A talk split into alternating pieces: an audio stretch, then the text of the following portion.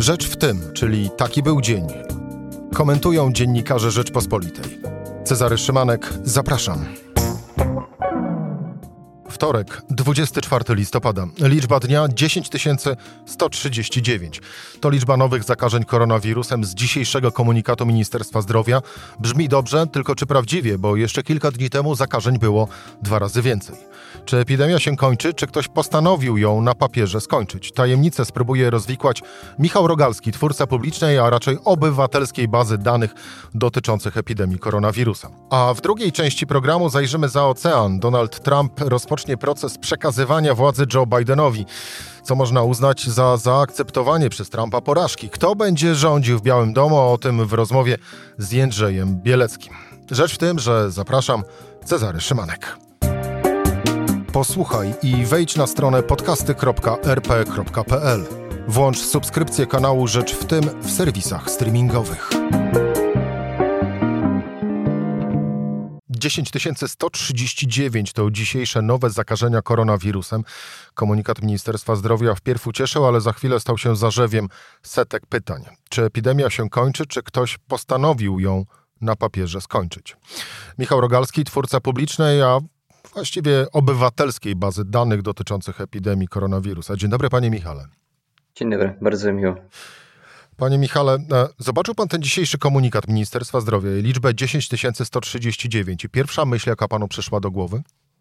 E, no zawsze pierwsza myśl, jak widzę liczbę przypadków, no to myślę o liczbie testów. Zawsze u mnie jest taki łańcuch myślowy, no to widzę 10 tysięcy, myślę o pewnie zrobili e, znowu 20 tysięcy testów, e, udział wyników pozytywnych pewnie znowu skoczy do 60 obrazów, a to się okazuje, że testów mamy aż 30 tysięcy, jeżeli można tak powiedzieć. Udział, udział wyników pozytywnych, czyli na ten wskaźnik, na który ja zawsze najbardziej zwracam uwagę, e, wyniósł tylko 30%, czyli można tak powiedzieć tylko, no ale jednak to jest jedna z niższych wartości w ostatnich, ostatnim miesiącu. No to spowoduje, że taki nagły spadek, że mamy 20, 15, teraz 10, e, no on jest e, z jednej strony no trochę mało prawdopodobny z punktu widzenia statystycznego, no to jeszcze mało prawdopodobne, żeby epidemia tak szybko się cofała z punktu widzenia medycznego. E, dlatego to wszystko jest po prostu bardzo zastanawiające.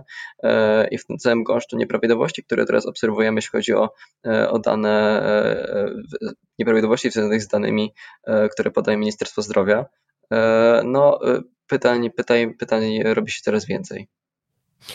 To najważniejsze z tych pytań dotyczy tego, czy obraz epidemii koronawirusa pokazywany w tych danych jest prawdziwy? E, chyba tak. I mi się wydaje, że to, co dzisiaj stało się z tymi danymi i jak jakie ministerstwo ma podejście do polityki informacyjnej, no tak naprawdę no w pewien sposób podważyło e, wiarygodność tych danych. E, no przede wszystkim to takie po prostu dosypanie zgubionych przypadków do, do ogólnej liczby potwierdzonych.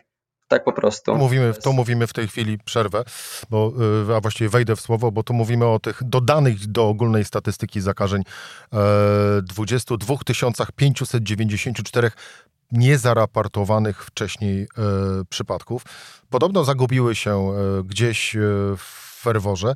Natomiast automatycznie rodzi się pytanie, mm, oprócz tego, no właśnie, jak solidnie gromadzone są te dane przez państwowe organy, to rodzi się zasadne dosyć pytanie, czy nie było to zguba celowa, aby uniknąć zamknięcia gospodarki, czyli tak naprawdę lockdownu? Znaczy, na pewno nie mi to oceniać, bo ja nie mam absolutnie podstaw, żeby, żeby tutaj takie oskarżenia wysnuwać. No ale na no inaczej, jeżeli... gdyby, gdyby te zachorowania były wykazane wcześniej zgodnie z ich rzeczywistym wydarzeniem się, to bylibyśmy ponad tą granicą, którą premier wskazywał jako start narodowej kwarantanny? No jeżeli policzymy sobie ten wskaźnik z uwzględnieniem e, tego, co podawały powiatowe stacje sanitarne, a nie uwzględniało tego WSSA ministerstwo, e, no to się okaże, że 11 listopada przekroczyliśmy ten próg, więc teoretycznie w rzeczywistości e, powinniśmy mieć narodową kwarantannę, ale przypadki zaczęły znikać i progu, progu nie przekroczyliśmy.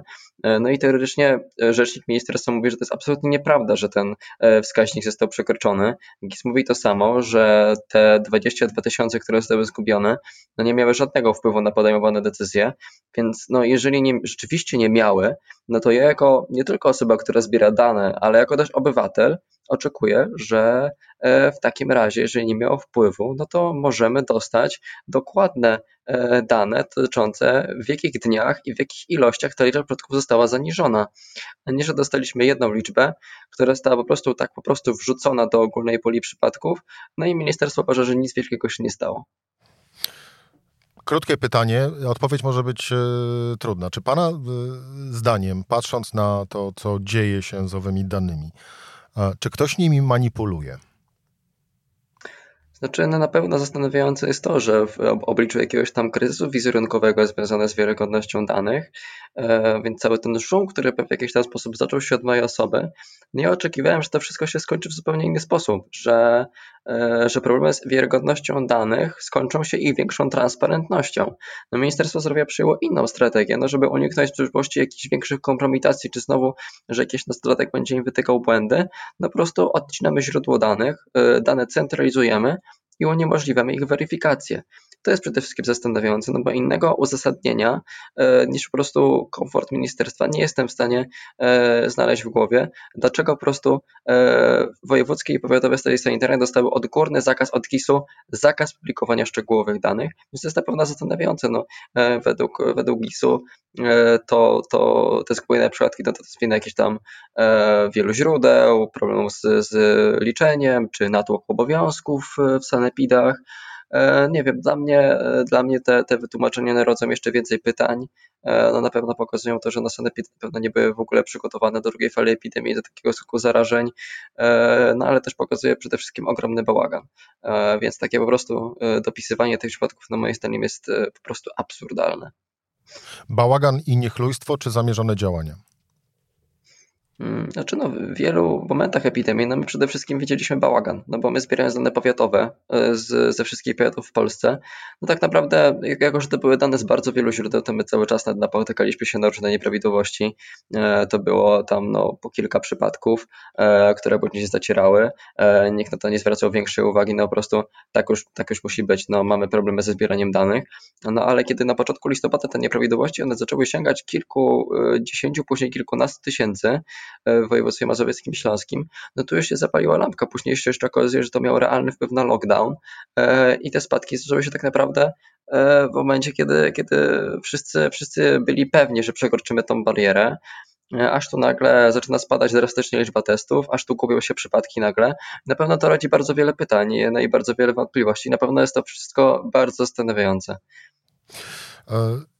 Usystematyzujmy jeszcze na linii czasu dnia dzisiejszego e, wydarzenia dotyczące e, kwestii publikowania danych, e, bo po komunikacie Ministerstwa Zdrowia dotyczącej liczby zakażeń przyszedł również komunikat, że od dziś wszystkie stacje powiatowe zaprzestają publikowania na swoich stronach jakichkolwiek danych dotyczących SARS-CoV-2.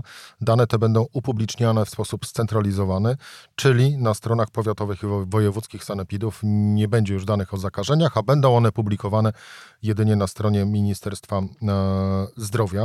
E, pan w odpowiedzi na to podzielił się refleksją na Twitterze, że to właściwie przekreśla dotychczasową pana, e, pana pracę. E, na co z kolei Ministerstwo Zdrowia odpowiedziało, również na Twitterze, pełna transparentność wszystkich danych zostaje zachowana. Źródłem danych jest system elektroniczny, do którego bezpośrednio e, raportują laboratoria. Mm. Co się może zmienić, bądź też na ile nieprawdziwy obraz tego, co się dzieje z epidemią, możemy mieć od jutra? Patrząc na liczby. Na pewno.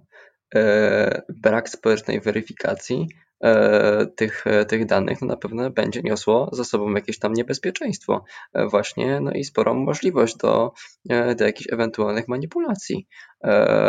No bo na pewno no brak, brak pełnej transparentności no na pewno to będzie powodować. No ale tutaj przede wszystkim no to wszystko tutaj bardzo ważne właśnie jest to ciąg wydarzeń, no że tracimy dostęp do danych dzięki którym tak naprawdę udało się wykryć tak naprawdę obywatelsko te nieprawidłowości. No bo no, trzeba zaznaczyć, że to nie jest tak, że to ministerstwo E, samo znalazło te, te błędy i samo zaczęło nad nimi pracować. E, no nie, no to jakiś nastolatni na Twitterze e, sprawę nagłościł, zajęły się nią media i dopiero wtedy minister zajął się kontrolą, więc mi się wydaje, że tak jak powiedziałem wcześniej, no to jest przede wszystkim działanie, które ma spowodować, że w przyszłości już nikt nie będzie tych danych podważał, nikt nie będzie z nimi dyskutował i nie będzie możliwości ich żadnej, żadnej weryfikacji. No jak się okazało, że ta weryfikacja jest bardzo potrzebna bo gdybyśmy my nie weryfikowali, gdybyśmy my nie zbierali tych danych i, i nie sprawdzili tego, no to by ta sprawa w ogóle obeszła się bez szumu, nikt by nie zauważył, że zgubiliśmy 22 tysiące przypadków. No właśnie, ten nastolatek, o którym pan wspomniał, to pan, czyli Michał Rogalski, a y, mówimy o 22 594 y, przy, przypadkach. Będzie pan dalej kontynuował swoją pracę, czy, czy to już w tej chwili po tej decyzji y, jest to niewykonalne? Znaczy, mi się wydaje, że jedną decyzją tak naprawdę GIS w pewien sposób zakończył jakiś tam projekt obywatelski, no tak naprawdę ogromną inicjatywę, e, bo e, z tych bazy danych to nie jest tak, że to jest tylko baza Michała Rogalskiego, z której on sobie hobbystycznie e, no dane. Korzystał z pana, kto korzystał z pana bazy? Są, to są w tym momencie dziesiątki tysięcy, dziesiątki tysięcy ludzi, którzy e, dzień w dzień korzystają z danych. I to nie są tylko zwykli obywatele, którzy po prostu sami dla siebie na przykład chcieli zweryfikować sytuację albo na przykład weryfikować działania rządu, ale dziennikarze, politycy, analitycy, lekarze czy placówki badawcze, również placówki badawcze, z których e, prac korzysta rząd. Więc to są masa ludzi, e, masa pracy. No i taka też była idea, idea tego projektu, czyli korzyść społeczna, tak? E, bo ja traktuję dane jako jakaś tam, jako, jako jeden z filarów walki, jako jeden e, z elementów, który e, rzeczywiście ma realny wpływ na to, co się dzieje i realny wpływ na zdrowie i życie obywateli. Więc odcięcie od tych danych znaczy, no, no niby nie odciąć, no bo te dane, dane nadal będziemy mieli, ale one nie będą podlegać żadnej weryfikacji, żadnej kontroli, e, no bo no po prostu nie będzie, nie będzie wielu źródeł, no i to przede wszystkim no moim zdaniem jest e, niedopuszczalne. No i pewnie ja ten projekt sam teraz będę kontynuował, no bo ja sam cały czas jeszcze prowadziłem dane ogólnopolskie, no ale w pewien sposób GIS pozbawiając nas źródła, no ten obywatelski projekt, no bo my tak naprawdę przez E, od kwietnia no w pewien sposób w tej bazie danych, e, wprowadzeniu tej bazy danych zastępowaliśmy jakoś e, instytucje rządowe, no bo teoretycznie robiliśmy coś, co powinno wychodzić z góry. Po dziewięciu miesiącach ktoś się zorientował, że może warto by było, ale jednak mi się, jednak ja się obawiam, że to nie jest dlatego, że rząd czy ministerstwo chce poprawić politykę informacyjną, tylko jednak chce sobie ułatwić na pracę w tych danych, żeby nikim nie przeszkadzał i żeby było tak, jak e, powinno być, a nie tak, jak jest e, w rzeczywistości. Panie Michale, e, a czy kiedykolwiek Ministerstwo Zdrowia lub ktokolwiek z administracji publicznej zwracał się do Pana, nie wiem, z propozycją współpracy albo o pomoc w weryfikacji tych danych? Nie, ani razu żadna instytucja państwowa się ze mną, nikt się ze mną nie kontaktował. A gdyby Ministerstwo Zdrowia do Pana teraz przyszło i, i, i powiedziało, Panie Michale, to zapraszamy do współpracy, pracujmy razem nad raportowaniem, to co by Pan powiedział? Wydaje mi się, że ja tutaj e, nie mam, ja jakby to, co ja robię, to jest w pewien sposób praca taka amatorska, hobbystyczna. Moim zdaniem e, ja nie mam na tyle kompetencji, żeby, żeby przygotowywać jakieś strategie czy, czy analizy na podstawie danych. E, ja po prostu uważam, że przy ministerstwie bym po prostu powiedział, że proszę zaprosić do współpracy prawdziwych ekspertów, którzy po prostu będą ratować życie ludzi, a nie będzie ich linia zgadzała się z, z, z polityką polityków, tak? Więc e, na tym mi zależało, no bo nawet jak patrzę, jak się dowiedziałem, że z mojej bazy danych korzystają E, naukowcy, placówki badawcze czy uniwersytety, no to z jednej strony fajnie, jest to jakieś tam docenienie mojej pracy i, pokazanie jej wartości, jeżeli ma również wartość naukową czy medyczną, ale z drugiej strony ta moja praca tutaj nie powinna mieć w ogóle zastosowania. To tak jak się e, rozpoczęło od bycia projektem dla Michała Rogalskiego, później projekt obywatelski, społeczny, to na tym to powinno się zakończyć, a dane na przykład dla uniwersytetów powinny być udostępniane e, tak naprawdę od ręki ze strony rządowej, no tak nie było. E, no co będzie teraz, e, no trudno, trudno powiedzieć, na pewno e, te wszystko, to wszystko, co teraz będziemy dostawać od ministerstwa, no będzie mogło, będzie mogło podlegać jeszcze większym wątpliwościom niż dotychczas. Ale broni, jak rozumiem, pan nie składa, tak czy inaczej. E, za co trzymamy, trzymamy kciuki, bo ktoś tego e, musi, e, ktoś to musi kontrolować i ktoś to o, e, o to dbać w imieniu nas e, wszystkich. To takie trochę zawoalowane, więc powiem wprost podziękowania, panie Michale, za e, wykonywaną pracę dla pana i całego zespołu. Dziękuję bardzo. E, Michał Rogalski, e, twórca, e, jak o tym powiedzieć, obywatelskiej bazy danych, panie Michale? Tak bym to nazwał. Obywatelska baza dotyczących epidemii. Twórca obywatelskiej bazy dotyczącej, bazy danych dotyczącej e, epidemii koronawirusa. Panie Michale, bardzo dziękuję za rozmowę. Dziękuję bardzo, do widzenia. Do widzenia. A już za chwilę gościem w programie Jędrzej Bielecki rozmawiać będziemy o tym, że Donald Trump wreszcie się pogodził z porażką. Rzecz w tym, że to jest podcast Rzeczpospolitej. Dziś, po trzech tygodniach od wyborów prezydenckich w USA, rozpoczyna się formalny proces przejęcia władzy przez Joe Bidena. Donald Trump nie chce jednak cały czas przyznać się do porażki, ale o niby oszustwach pisze bez zmian czyli często. Jędrzej Bielecki, Rzeczpospolita moim gościem. Witam cię Jędrzeju. Dobry. E, podobno również w TVP Info zauważono, że y, to jednak chyba Joe Biden wygrał wybory. E, ale zostawmy na, na boku jakżeż przykrą złośliwość. E, to już jest koniec owej epopei?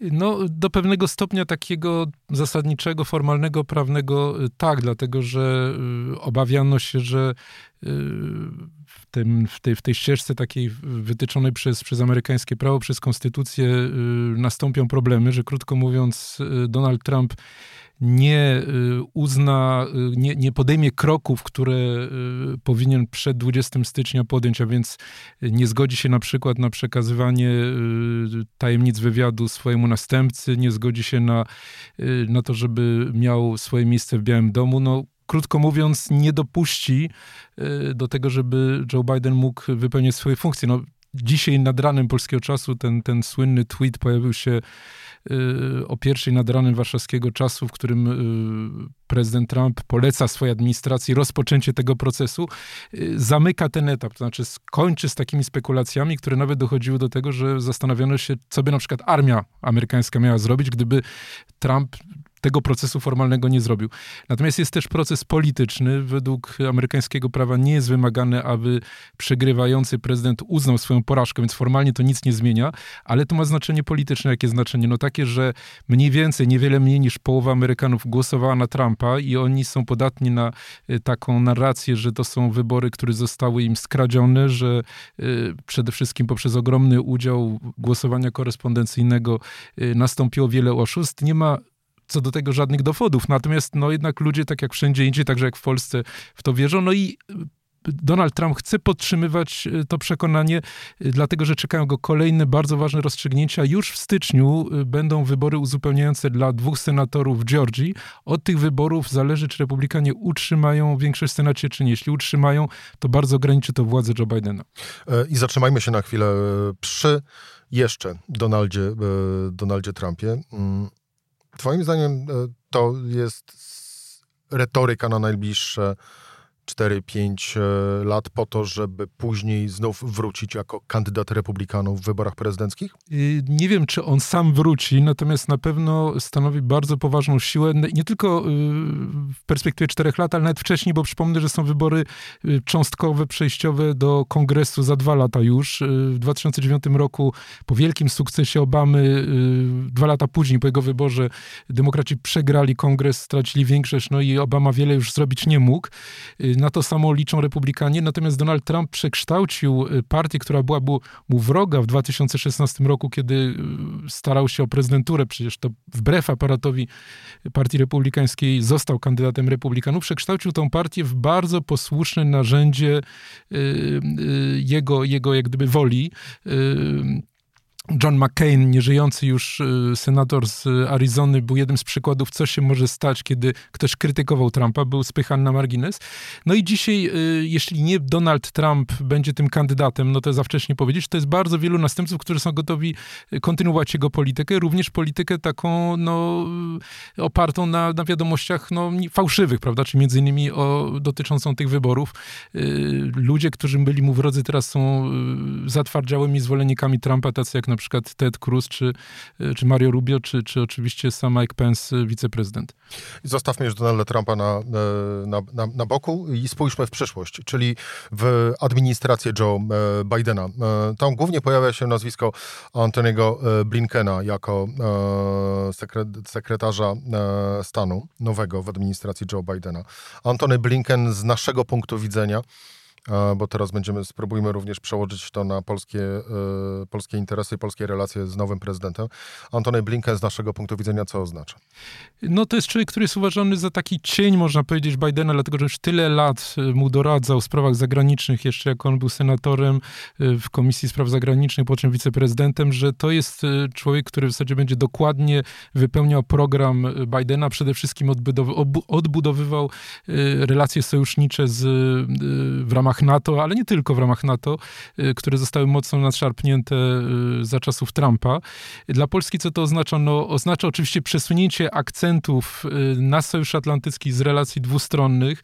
Na pewno znacznie większe znaczenie będzie miała teraz dla Ameryki Francja i Niemcy. Polska zostanie jak gdyby tutaj no nieco mniejsze znaczenie będzie miała, ale z drugiej strony polskie bezpieczeństwo opiera się w znacznie większym stopniu na sile NATO, na jego wiarygodności, na tym, żeby bronić Polski, jeżeli Polska by padła, no to wówczas cała wiarygodność na to pada, niż na tych relacjach dwustronnych. Dotychczasowy rząd polski starał się budować tą relację dwustronną, no bo tego chciał też Trump. On chciał dzielić y, kraje europejskie. Nie podobała mu się Unia Europejska, traktował y, ze sceptycyzmem NATO, ale ta dwustronna relacja y, jest znacznie mniej silna, no bo łatwo może być zmieniona za sprawą właśnie chociażby takiego prezydenta jak Trump, prawda? Natomiast NATO wydaje się tutaj bardziej mocną konstrukcją, więc to, to, to oznacza to.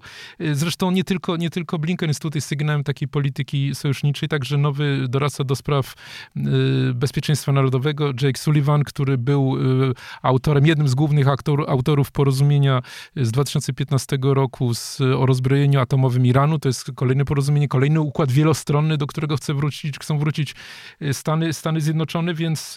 Tutaj też warto jeszcze dodać, że Jake Sullivan no, miał być również takim doradcą, gdyby Hillary Clinton wygrała. Tak, on, on z nią wygrała, pracował bardzo długo. Tak, tak gdyby wygrała wybory. A propos właśnie e, administracji e, wcześniejszych e, prezydentów demokratycznych, to w administracji Obamy był John Kerry, który teraz wraca i ma być przedstawicielem prezydenta USA do spraw klimatu. No to oczywiście pokazuje, jak ważny jest, ważny jest ten obszar.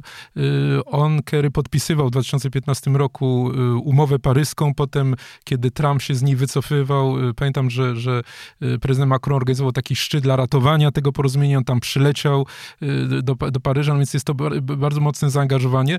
Z drugiej strony y, tutaj pojawia się pewne ryzyko, mianowicie y, Trump pokazał, że jest ogromna frustracja w Stanach Zjednoczonych z powodu istniejącego establishmentu waszyngtońskiego, a wracają ludzie, którzy no, reprezentują aż do bólu tenże establishment. To są te same twarze, które widziano wiele, wiele, wiele lat i no, jest pytanie, jak to zostanie przyjęte właśnie w perspektywie tych wyborów, o których mówiliśmy za, w Georgii, czy nawet za dwa lata do, do kongresu. To jest dosyć moim zdaniem ryzykowna strategia, tym bardziej, że no, w kongresie szefową, szefową demokratów, demokratów jest Nancy Pelosi, bardzo miła pani, która jednak już przekroczyła 80 i która tam jest też bardzo długo. W związku z tym no, jest to, to ryzyko, że republikanie będą mieli kandydatów młodszych, bardziej dynamicznych i przede wszystkim mających większy kontakt z no, tą głęboką Ameryką, prawda? Przypominam cały czas, że to zwycięstwo Bidena nie jest zwycięstwem przytłaczającym, że Trump, choć przegrał, uzyskał najwięcej głosów oczywiście poza Bidenem w historii Stanów Zjednoczonych, więc on ma bardzo silne poparcie nadal. Ma silny mandat, ale też nie odbierajmy y, skali zwycięstwa Joe Bidenowi, Jędrzeju. Nie, nie, absolutnie nie, nie podważam tego. No, próbowałem y, tutaj jeszcze, żeby na koniec wszystko wyjaśnić. Jędrzej Bielecki, Dziennikarz Rzeczpospolitej, dziękuję Ci bardzo.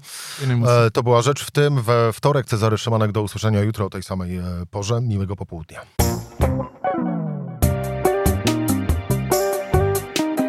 Rzecz w tym to codzienny program Rzeczpospolitej. Od poniedziałku do czwartku o godzinie 17. Wejdź na stronę podcasty.rp.pl, włącz subskrypcję kanału Rzecz w tym w serwisach streamingowych. Cezary Szymanek, zapraszam.